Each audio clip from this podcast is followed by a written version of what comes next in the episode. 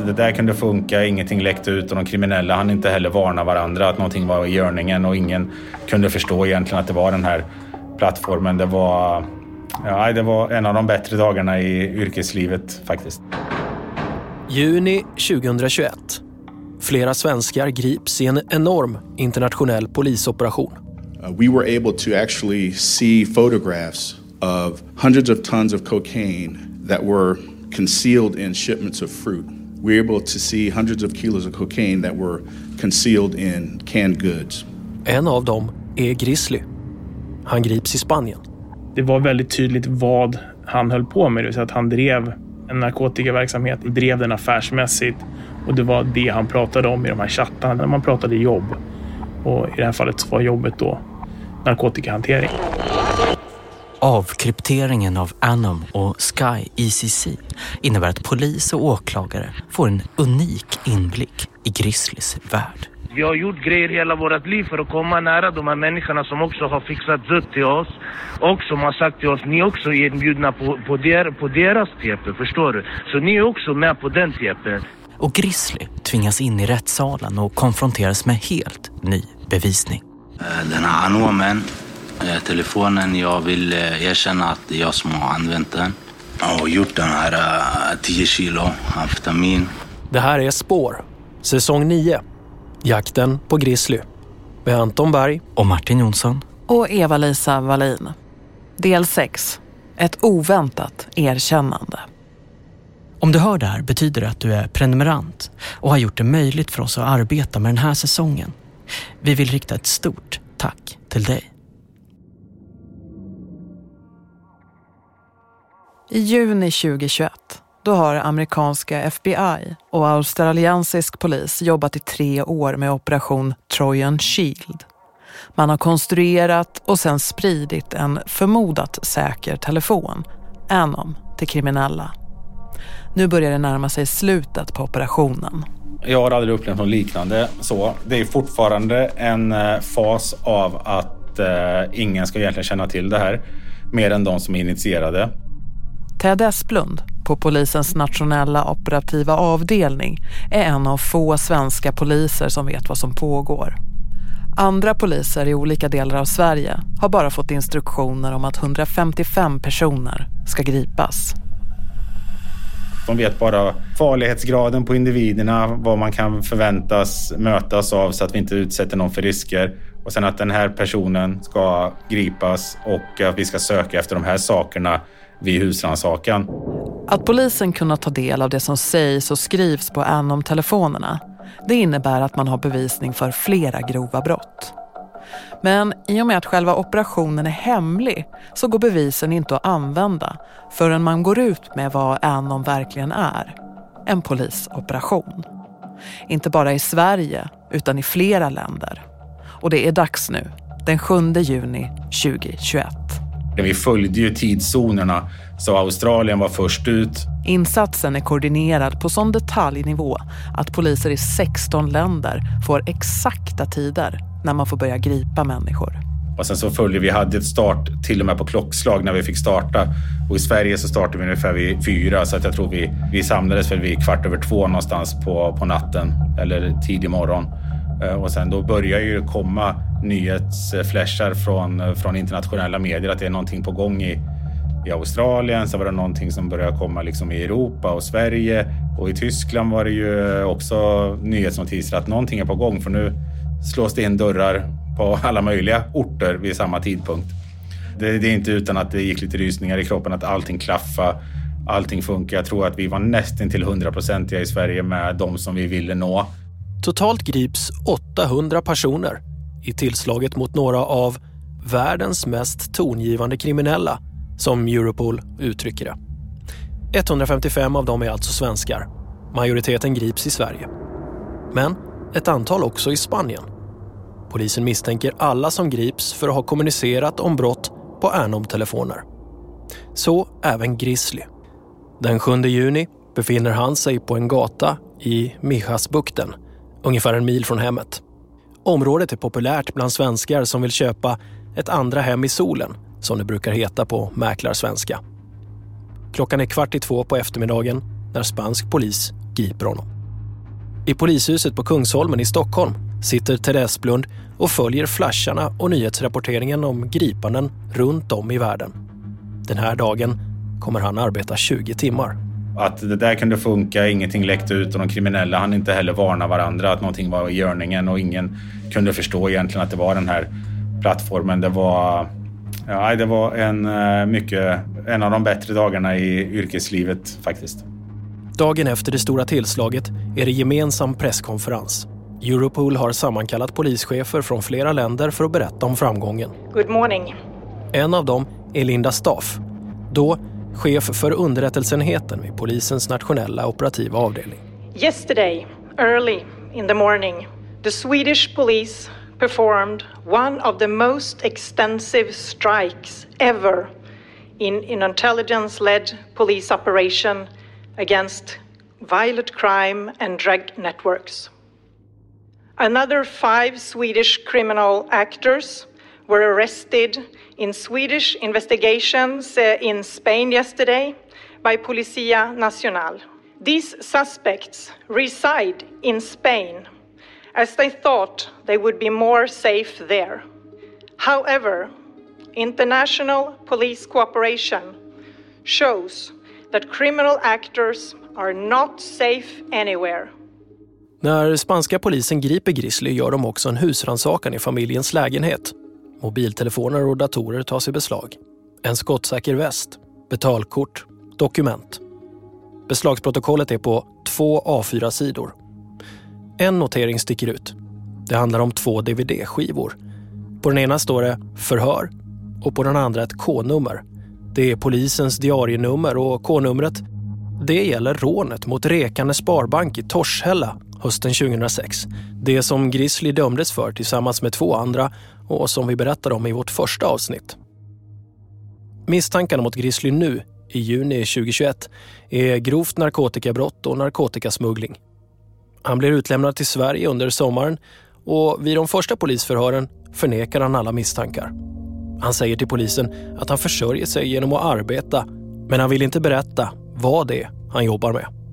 Han och sambon bor i en hyresrätt i Fengirola och barnen går i spansk skola. Grizzly svarar på en del av polisens frågor, men allt som oftast blir det inga kommentarer. Polisens utmaning blir att göra vad man kallar för en brukaranalys, det vill säga hitta så mycket detaljer i konversationer och röstmeddelanden, om sådana finns, som gör att man med säkerhet kan säga att det är Grizzly som har haft de krypterade telefonerna och ingen annan. En av Grizzlys konversationer på Encrochat med en vän om specifika poliser, det är en sån detalj som tas med i brukaranalysen. Användarnamnet, Encro-aliaset i telefonen, är Kalashnikov. Polisen menar att Kalashnikov är Grizzly. Vi har låtit andra personer läsa in chattarna. Tamam, min grabb står utanför, framför dörren, med en dricka i handen. Kodord rimfrost. Det är användaren Kalashnikov, alltså den som polisen misstänker är Grizzly, som skriver kodord rimfrost. Polisen ställer i förhör under utredningen frågor om fler konversationer. Utöver Encro-aliaset Kalashnikov knyter polisen honom också till en Anom-telefon där han kallar sig ametrajador, kulspruteskytt på spanska. Och dessutom en Sky ECC-mobil. Från Sky ECC finns också inspelat ljud. Här hör ni Grizzly själv prata. Hela grejen verkar strula lite men eh, vi ska få till det, skitsamma. Det, killen vill ha cash innan då det blir, vi ska först satsa tre, sen vi ska satsa fem. Du vet, det kommer bli nästan 40 lax och vi ska riska hela de här beloppet, 40 000. Det blir mycket men skitsamma, jag vill bara få till det. Under nästan ett års tid så nekar Grizzly till allt det som polisen påstår. I maj 2022 närmade sig åtal. Eh, allting skickades ut på slutdelgivning och det är när man är så att säga klar med förundersökningen. Oskar Edvardsson är åklagare på RIO, Riksenheten mot internationell och organiserad brottslighet. Han presenterar den utredning som polisen jobbat med. Nu kan Grizzly för första gången med egna ögon och öron få ta del av omfattningen av polisens bevisning. Då vill Grizzly prata. Och nu erkänner han ett av narkotikabrotten han misstänks för. Han säger att han är den som har sett till att fyra lastbilar kört från Spanien till Sverige med totalt 103 kilo hash och cannabis gömd i lasten bland olika grönsaker. Jag tror att det hade att göra med att han fick se all bevisning, den samlade bevisningen och han gjorde nog själv bedömningen att bevisningen är nog för bra för att hålla på och tjafsa om. Det är min gissning. Oskar Edvardsson lämnar in åtalet till Eskilstuna tingsrätt i Grizzlys uppväxtstad, där Grizzlys kriminella karriär började. Åtalet mot Grizzly rör inte bara transporterna han erkänt, utan det handlar om totalt 150 kilo narkotika som smugglats in i Sverige och så en misshandel. Rättegången kommer ske under fyra dagar. Många rättegångar mot personer som Grizzly, som av polis och åklagare anses vara högt upp i hierarkin, sker i säkerhetssalar med skottsäkert glas mellan åtalade och åhörare. Sådana salar finns också i Eskilstuna, men bara i tingsrättens nya lokaler som fortfarande inte tagits i bruk. Sommaren 2022, då är man kvar i de gamla lokalerna och Grizzlys rättegång, den sker inte i någon säkerhetssal utan i ett rum med landstingsgula väggar och sliten linoleummatta. Den sjöng på sista versen, så att jag kom dit och det var, det var i princip inga andra förhandlingar tror jag. Den misstänkte han satt på häktet där så han kom med häktestransporten. Men det var väldigt lugnt ska jag säga. Det kändes lite som att eh, han ville få det här överstökat. Han visste ungefär hur det skulle sluta. Han ville liksom bara få de här förhandlingsdagarna att ticka på. Och då får åklagaren inleda med frågor. Varsågod. Åtalspunkten som handlar om en misshandel, den har fångats på film. Fyra månader in i Grizzlys häktningstid spelar han kort med en annan man som också sitter häktad. Kan du berätta själv med egna ord, varför befann du, befann du dig i det här rummet och vad hände? Vi har förvrängt den misshandlade mannens röst eftersom vi inte namnpublicerar honom. Ja, vi hade samsittning och spelade kort, men eh, flera gånger alltså. Inte bara den här gången. Nej. Ja, några gånger vi satt ihop, det gick bra i alla fall. Det är en övervakningskamera på Kronobergshäktet i Stockholm som fångat händelsen. På tv-skärmen kan åhörarna i rättssalen följa Grizzly och den andra mannen när de spelar kort. Det uppstår en diskussion och Grizzly utdelar ett första slag. Det blir fler. Den misshandlade mannen har inte velat säga så mycket, vare sig till polisen eller till rätten. Han säger att de spelar rummy. Han vinner. Okej, du hade vunnit det liksom partiet, det kortspelet? Ja. ja. Okej. Grizzly blir arg och slaget kommer plötsligt. Och vad kan du själv säga om det som hände sen då? Eh, jag vill inte kommentera någonting här för eh, det var bara ett bråk så jag vill inte kommentera någonting. Ni, för ni har sett själv videon så jag tänker inte säga mer. Det hålls ett förhör om misshandel med Grizzly i rätten också. Det är på exakt 45 sekunder. Betydligt kortare än de som handlar om narkotikabrotten. Ja, jag har inte så mycket att kommentera om den här händelsen, det som har hänt. Det, det syns på filmen vad, vad som händer och jag har inte så mycket att tillägga. Åklagaren frågor. Fick du några skador själv? Nej. Och det, det målsägaren sa om att ni hade träffats några gånger tidigare, det är korrekt? Mm. Jag är nöjd där, tack. De resterande åtalspunkterna rör narkotikabrotten. Två grova narkotikabrott bygger på enkrobevisning.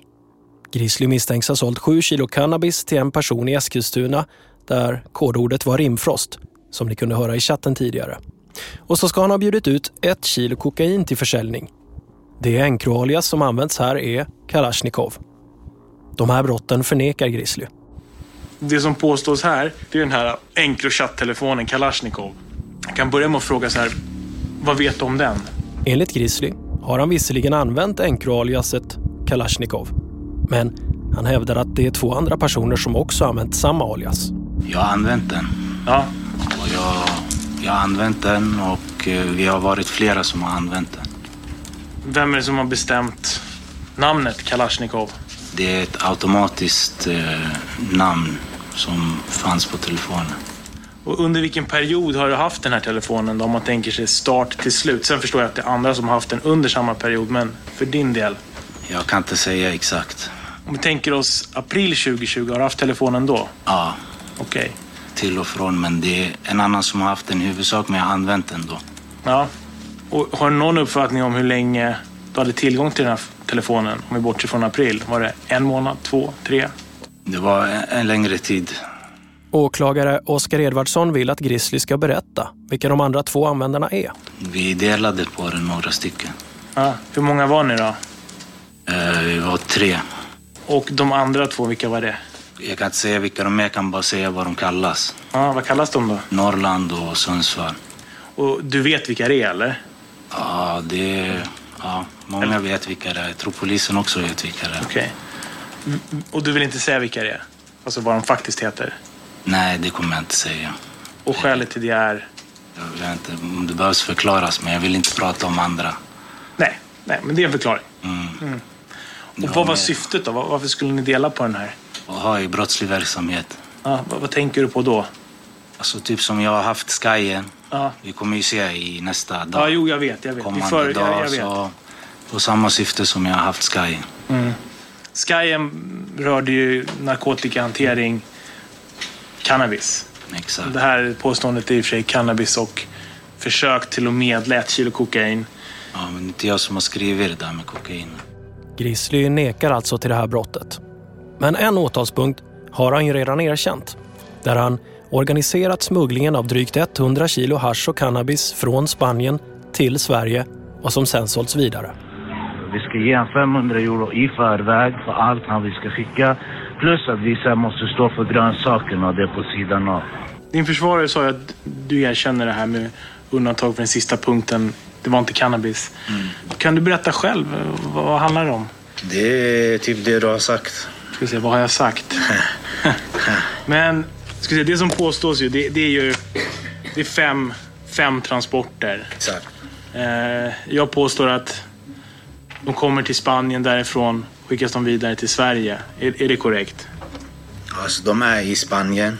Ja. Det, det köps i Spanien. Ja. Och sen så kommer det till Sverige. Ja. Okej. Det var ju snack om grönsakstransporter. Mm. V- vad betyder det? Eller vad, vad var syftet med det? Det vet jag inte om jag vill gå in på så mycket mer men eh, det har transporterats bland annat med grönsaker. Jag uppfattar det som att man liksom gömmer eh, haschet eller narkotikan i grönsakstransporter. Ja, det går tillsammans med grönsakerna så man kanske lägger lite grönsaker runt omkring och haschet i mitten. Okej. Vad har din roll varit i det hela? Vad, vad har du gjort? Jag har köpt det i Spanien. Ja. Jag som har vetat vem som har det i Spanien. Ja. Så har jag gett det vidare till dem i Barca och sen har de löst det och kommit till Sverige och sen har vi delat på det. Man har alltså använt vanliga, riktiga grönsakstransporter för att smuggla narkotikan. Fyra av dem erkänner Grizzly, men den femte transporten, den vill han inte bli dömd för. Det här sista partiet då? eh, 30 kilo hasch. Vad kan du säga om det? Pain free forever. Det var inte hasch, det gick inte. Det funkade inte. Alltså, det, är inte ens, det går inte ens att jämföra som alkohol och lättöl. Alltså det, du kan röka hela ett helt kilo, det händer ingenting. Alltså, Nej. Du kan inte bli påverkad. Det fanns ingen effekt alls. Nej. De 30 kilon som smugglades då har Grizzly inte kunnat sälja. Det visar sig nämligen att det är så dålig kvalitet. Och därför så ska det här heller inte klassas som narkotika. Polisens prover visar också att den här lasten har så låg THC-halt att det faktiskt inte kan klassas som narkotika. THC, det står för tetrahydrocannabinol och finns i cannabis. I Spanien är det lagligt att sälja det här haschet. Det är inte, det är inte narkotika. Alltså, det säljs i affärer på alla typ gator. Va, vad ska man ha det till i så fall? Alltså, vissa tror att den kan ha en så här typ alltså, avslappnande. Ja, Man har sålt det i. Sverige också i Okej. hälsokostaffärer, den här oljan. Ja, just det, typ att det skulle släppa stress och, och Just sånt. Det. Så då sa jag det i alla fall till polisen att det funkar inte. Och jag frågade flera gånger, har ni hittat det här haschet? Och då sa de, nej alltså om- det inte finns THC då borde det inte finnas. Nej. Och sen ändå så, så, så hittade min advokat det i slasken. Och då hade jag frågat, det finns ju i förhöret. Jo, men det, och jag har ju åberopat det. Så jag... Nej, men jag tänker du kanske kan tänka att det är lite märkligt att de fick träff på tre träffar och de bara tog med två som var hasch och sen sket de i den tredje.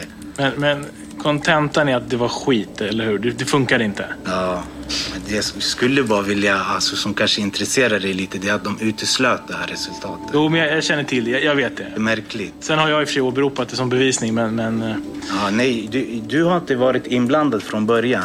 Men det är märkligt ändå om man får träff på tre stycken att man skiter i den som Jo, jo, säger jag- det jag talar för. Jag förstår vad om du inte säger. min advokat hade hittat det, då hade jag ju säkerligen blivit dömd för det som hasch. men vad hände med det då, till slut? Det här partiet? Ingenting alltså. Det blev ing- inget, alltså det gick inte att göra någonting med Det handlar om att smuggla narkotika, sälja narkotika. Eh, Det som möjligen stack ut, det var ju bevisningen. Det vill säga det var Encro-bevisning, det var Sky-bevisning, det var Anom-bevisning. Och det har jag egentligen inte haft tidigare. Det har inte funnits tidigare. Så det var möjligen det som stack ut. Oskar Edvardssons intryck av Grizzly är att han är en person som är skicklig på det han gör. Jag har bara pratat med honom eh, inom ramen för förhör i tingsrätten. Men det jag kunnat läsa mig till eh, och det jag har kunnat se från förhören är att det är en person som är, han är, han är duktig och driven i det han gör. Eh, han har drivit det här ungefär som man driver ett företag. Man planerar, man har lager, man har pengar för att köpa in saker, man har en hel kedja med logistik som gör att det funkar. Eh, på det sättet har han varit väldigt eh, driven. Den sista åtalspunkten återstår. Ett grovt narkotikabrott som till stora delar vilar på bevisning från Anom. Det handlar om 10 kilo amfetamin. Anom-telefonen som används har användarnamnet ametrachador, alltså kulspruteskytt på spanska. Grizzly nekar konsekvent. Han menar att han överhuvudtaget inte använt en Anom-telefon. Om jag frågar så här, Anom, vet du vad det är för något? Ja. Ja, vad är det för något då? Det är en krypterad telefon. Har du haft en sån telefon vid något tillfälle? Har ingen kommentar. Om jag frågar specifikt om det här kontot då, 7B7EF3. Har du haft det kontot vid något tillfälle? Nej. Okej, så det har du inte haft. Huruvida du har haft något annat konto, det vill du inte kommentera? Okej, och varför vill du inte kommentera det? Jag vet inte, jag vill bara inte göra det. Ametrachador, det, jag vet inte om uttalet, men, men så kallades ju kontot. Känner du till det kontot eller det namnet? Nej. Okej. Men det här är vad Grizzly säger ena dagen om Anom-åtalet. Men sista rättegångsdagen, nu återstår egentligen bara personalia, en slags genomgång av Grizzlys livssituation och slutpläderingar. Då kommer Grizzly med en helt annan version kring Anom. Då börjar den misstänkte eller den åtalade och hans försvarare med att de vill hålla ett kompletterande förhör. Du ville berätta lite själv. Ja, jag, Varsågod. eh, den här anomen, eh, telefonen, jag vill eh, erkänna att det är jag som har använt den. Och gjort den här eh, 10 kilo amfetamin. Jag har haft kontakt med den här genom en signal som du sa. Som heter eh, Soprano. Tony Soprano tror jag den heter, en signalkontakt. Ja, hon visste inte vad hon har transporterat. Det är jag som har bara sagt till henne vad hon ska göra och, och så. Och då eh, berättar han själv, utan att det ställs några frågor, att det är han som har använt det här kontot. Han har använt det själv. Han har gjort allting som påstås i åtalet och han erkänner i princip rakt av. Sen kanske det finns eh, några invändningar kring, kring eh, hur han har gjort det, men han erkänner det som påstås i vart fall. Och varför han gör det, det vet inte jag, men det man kan tänka sig det är att han gör det Dels i bevisningen, den, den, den är, den är, det är halvhyfsad bevisning, men det är mycket bättre bevisning i Sky-delen där han erkänner redan under förundersökningen.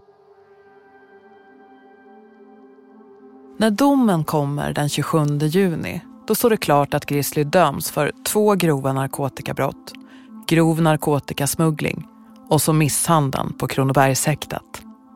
Han frias från två grova narkotikabrott, de som ska ha diskuterats på Encro av användaren Kalashnikov. Åklagare Oskar Edvardsson igen.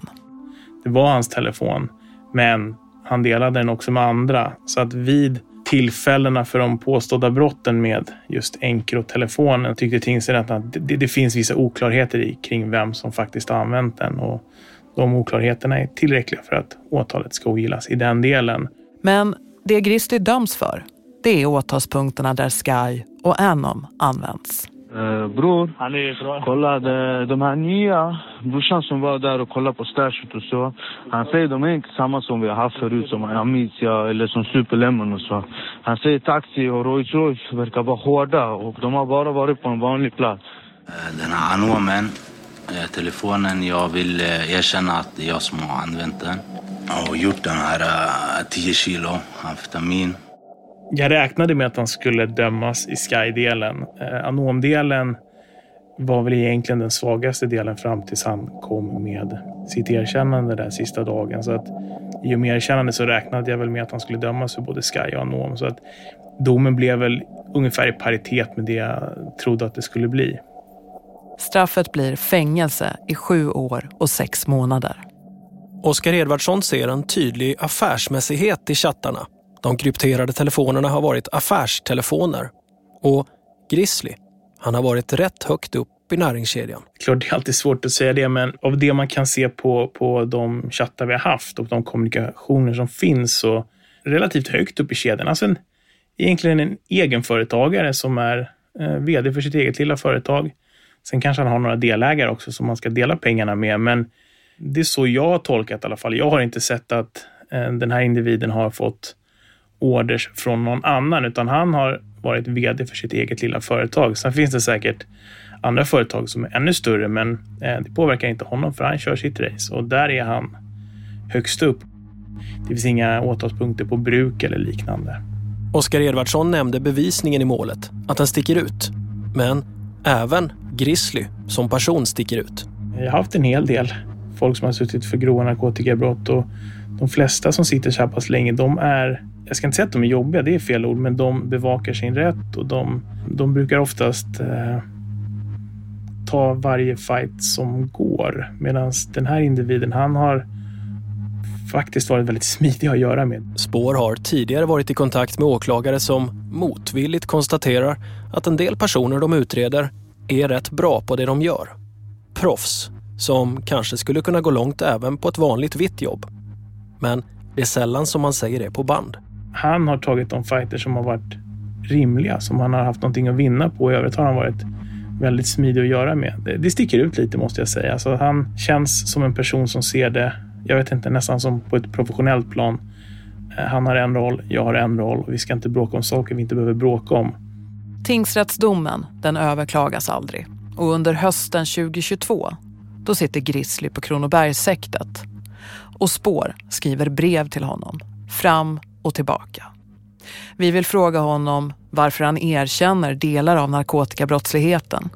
Vi har också frågor om hans tidigare brottslighet. Om Operation Triss i Västernorrland. Vi vill att han ska få ge sin bild av historien. Grizzly svarar också. Hans brev är välformulerade, om än skeptiska. Vi får till slut tio minuter på telefon. Hej, du skulle prata med en av våra intagna här. Ja, men precis. Ja, eh, och samtalet kommer att vara max 10 minuter då. Och eh, så du vet att personal sitter med och lyssnar. Ja. Mm. Eh, jag kommer koppla dig in till ett annat rum, så om du bara hänger kvar. Jag hänger kvar. Tack. Jag förklarar att jag gärna pratar med honom om Trissutredningen och de fel han själv upptäckt i den. Jag har ju pratat med Elsa och intervjuat henne just utifrån de liksom synpunkter ni hade på utredningen då. Men att vi kommer behöva ta upp vad han dömts för tidigare och även den här senaste rättegången i Eskilstuna tingsrätt. Det vore intressant att prata med dig och få din bild av både, och då kommer jag vilja ställa frågor både kring Triss men också det senaste. Han ska fundera. Spår får även kontakt med anhöriga till Grizzly vi träffas vid ett tillfälle och personen visar ett dokument som uppges vara skrivet av Grizzly och spelar upp några ljudfiler som påstås vara polisförhör och inspelade telefonsamtal. Men Spår får inte ta med sig materialet och får heller inte spela in under mötet. Ljudfilerna som spelas upp är redigerade. Oklart hur mycket. Vid mötet är vi tydliga med att materialet definitivt är intressant, men också att vi behöver ta del av hela ljudfilerna. Att materialet måste tåla en granskning. Det handlar dels om att i möjligaste mån kontrollera att det verkligen är polisförhör och riktiga telefonsamtal. Dels att personerna som hörs är de som påstås. Och såklart att det inte skett en redigering av ljudfilerna som gör att viktig information utelämnas. Personerna som har materialet ska prata om det med Grizzly. Breven till Spårs redaktion kommer under hela produktionen. Den 7 december skriver Grizzly till slut “Jag vill inte medverka”. Under tiden vi kommunicerar med Grizzly pågår en annan stor medialt uppmärksammad rättegång. I Uppsala så åtalas 17 personer i Gottsundenätverket för att ha smugglat in hundratals kilo narkotika. P4 Uppland rapporterar i början av maj 2022 när åtalet väcks. På måndagen väcktes åtal mot 17 personer som varit inblandade i en stor organiserad narkotikahandel med bas i Uppsala-trakten. Det rör sig om stora partier narkotika som importerats till Sverige från olika länder och sedan distribuerats till hela Sverige. Det här nätverket, de har också gjort affärer med Grizzly. Och under Grizzlys rättegång i Eskilstuna har han erkänt att han köpt 10 kilo amfetamin av Gottsunda-nätverket. Återigen syns spåren av Grizzly och hans inblandning i den svenska narkotikahandelns toppskikt. Vi hör åklagaren Anna Arnell på RIO, Riksenheten mot internationell och organiserad brottslighet, om Gottsundanätverket. Man planerade olika leveranser till Sverige. Det framgick eh, som att man också hade olika parallella brottsplaner på gång samtidigt med knark som skulle in i Sverige. Så att det var ett väldigt hårt tryck eh, från utlandet med olika transporter som ska in i Sverige. Man använder gröna lagliga transporter med lastbilar som kanske har blommor i lasten eller man har Eh, plasttunnor eller man har kakelplattor. Väldigt olika skilda typer av varor. Och så lastar man in knarket väldigt dolt. Kanske man har något eh, löneutrymme eller att man, man gömmer det på något sätt i lagliga varor för att dölja det så mycket som möjligt. En del narkotika har tagits i beslag. Annat har det kommunicerats om detaljerat på Sky eller Anom-telefoner. I det stora hela förnekar de åtalade brott och anser sig inte vara del av någon slags nätverksstruktur. Eh, du har ju varit med om det här några gånger så du vet ju att nu får du möjlighet att själv lämna en berättelse. Och om du bara tar mikrofonen där också. Vi har förvrängt rösterna på de åtalade i Uppsala-målet eftersom vi inte namnpublicerar dem. jag har inget att säga. Flera åtalade under rättegången är tydliga med att de inte kan prata om andra, att det kan få konsekvenser. Jag har sagt det tidigare, jag vill inte prata om någon annan. Jag pratar enbart om mig, inte om någon annan eller vem jag känner. För det, det har inte någonting med det här att göra. Om jag säger vem han är, det är direkt en fara för mitt liv. Okej, okay, varför då? då? Varför? Det, det borde ni veta själva. Alltså det har varit väldigt mycket tystnadskultur i den här förhandlingen. Åklagaren Anna Arnell igen. Jag tycker att stundtals så har jag tolkat det som att personer i en mer ledande ställning under förhandlingen har gjort eh, tecken, de har signalerat, de har sagt saker som har lagt en prägel på stämningen att man inte ska uttala sig. Arnells bild av bevisningen det är att den är så robust att det är svårt för de åtalade att prata sig ur den. Det är det ena, men också att jag tror att det, de är rädda för att, att säga saker som de inte kan överblicka konsekvenserna över. Att de kan hamna i trubbel, att de inte vill skaffa sig fiender. Att de, att de är rädda för att det de säger kan landa fel. Även om de skulle göra ett försök att förklara. Så det är ju en risk då att vissa saker kanske man vill förklara men man kan inte förklara då på grund av den här tystnadskulturen. Och andra saker tycker man då kanske är för svårt rent bevismässigt, man har ingen förklaring. Men det är svårt att veta vad som är vad. Det här är liksom ett, det är ett never-ending game. Liksom. Det kommer inte gå att vinna. Det, det är helt omöjligt. Ja, så beskriver alltså Robert Öhman, chef för underrättelseenheten i polisregion Nord, arbetet mot narkotikabrottsligheten. Polisen har vetat om vem Grizzly är sedan hans tidiga tonår. Efter flytten till Härnösand så kom han, menar polisen, att vara en stor orsak till att våldet och narkotikahandeln ökade. Det var det som gjorde att Operation Triss drog igång. Men samtidigt med att Grizzly etablerade sig så skedde också en omfattande omorganisation av polisen. År 2015 då blev 21 polismyndigheter en och samma. En del chefsnivåer försvann, så också en del specialgrupper. Under Spårs granskning är det flera poliser som själva lyfter det här med oss. Det handlar inte enbart om vilka tvångsmedel och verktyg polisen har, utan också om hur polisen jobbar.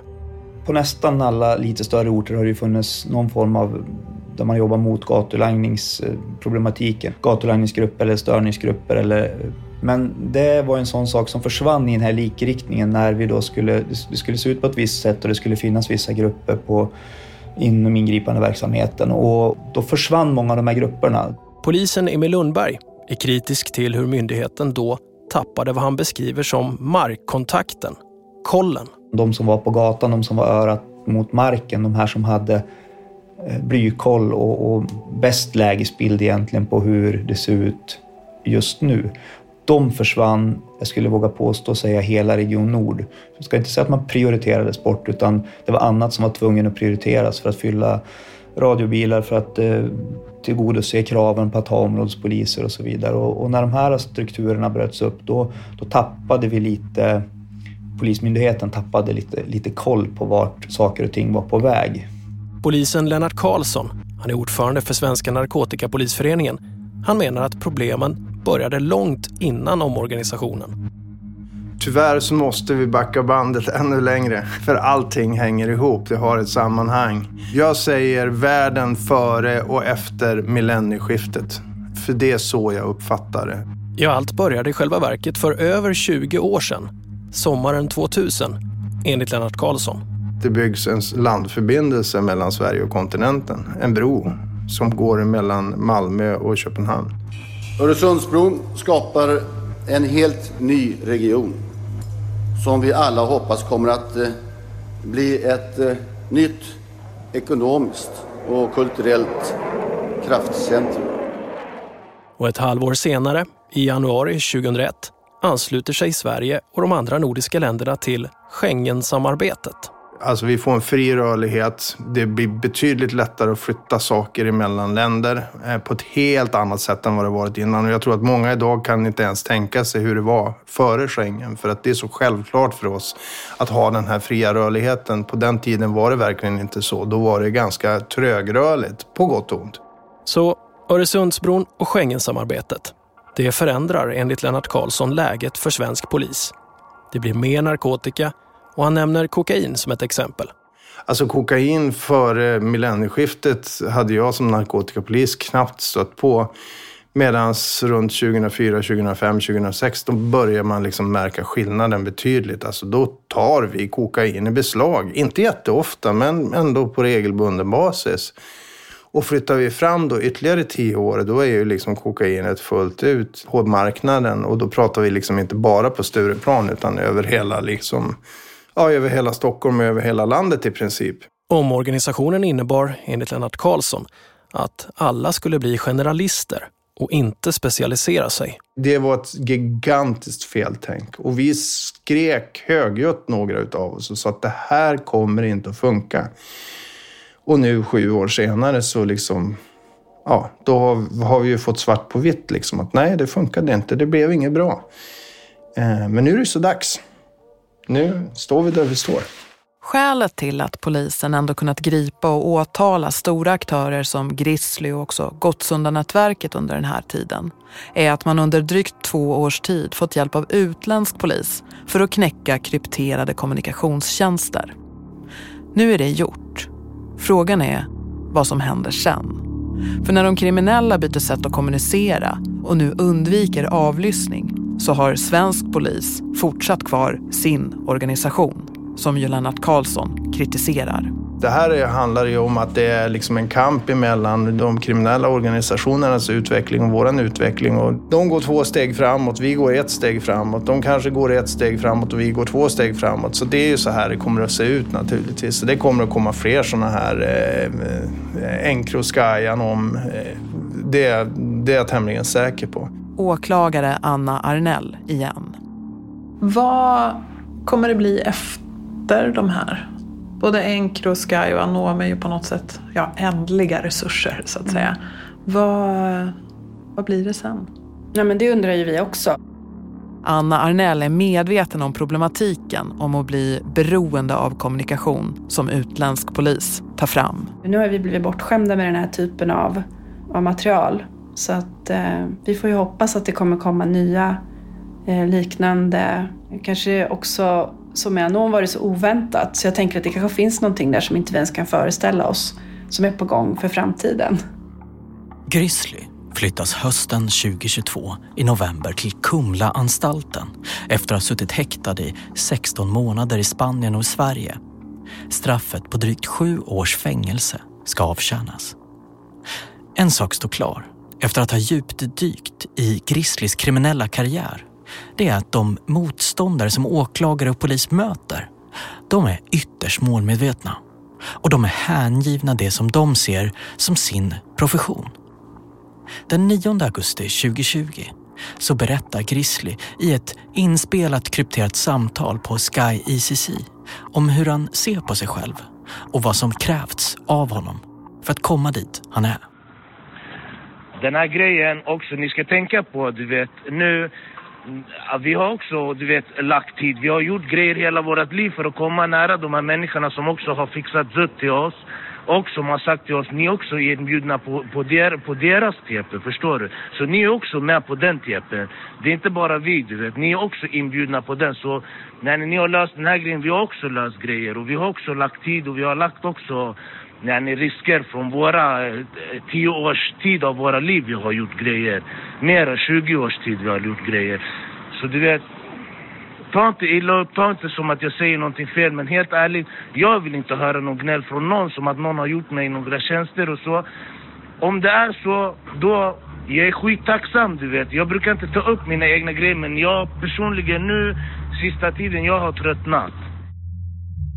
Ni har hört Spår, säsong 9, Jakten på Grizzly. Tack ni som valt att prenumerera. Det är ni som gör den här satsningen på granskande journalistik möjlig. Utan er, inget spår. Vi arbetar redan nu med nästkommande säsong. Vi håller er uppdaterade på våra kanaler i sociala medier.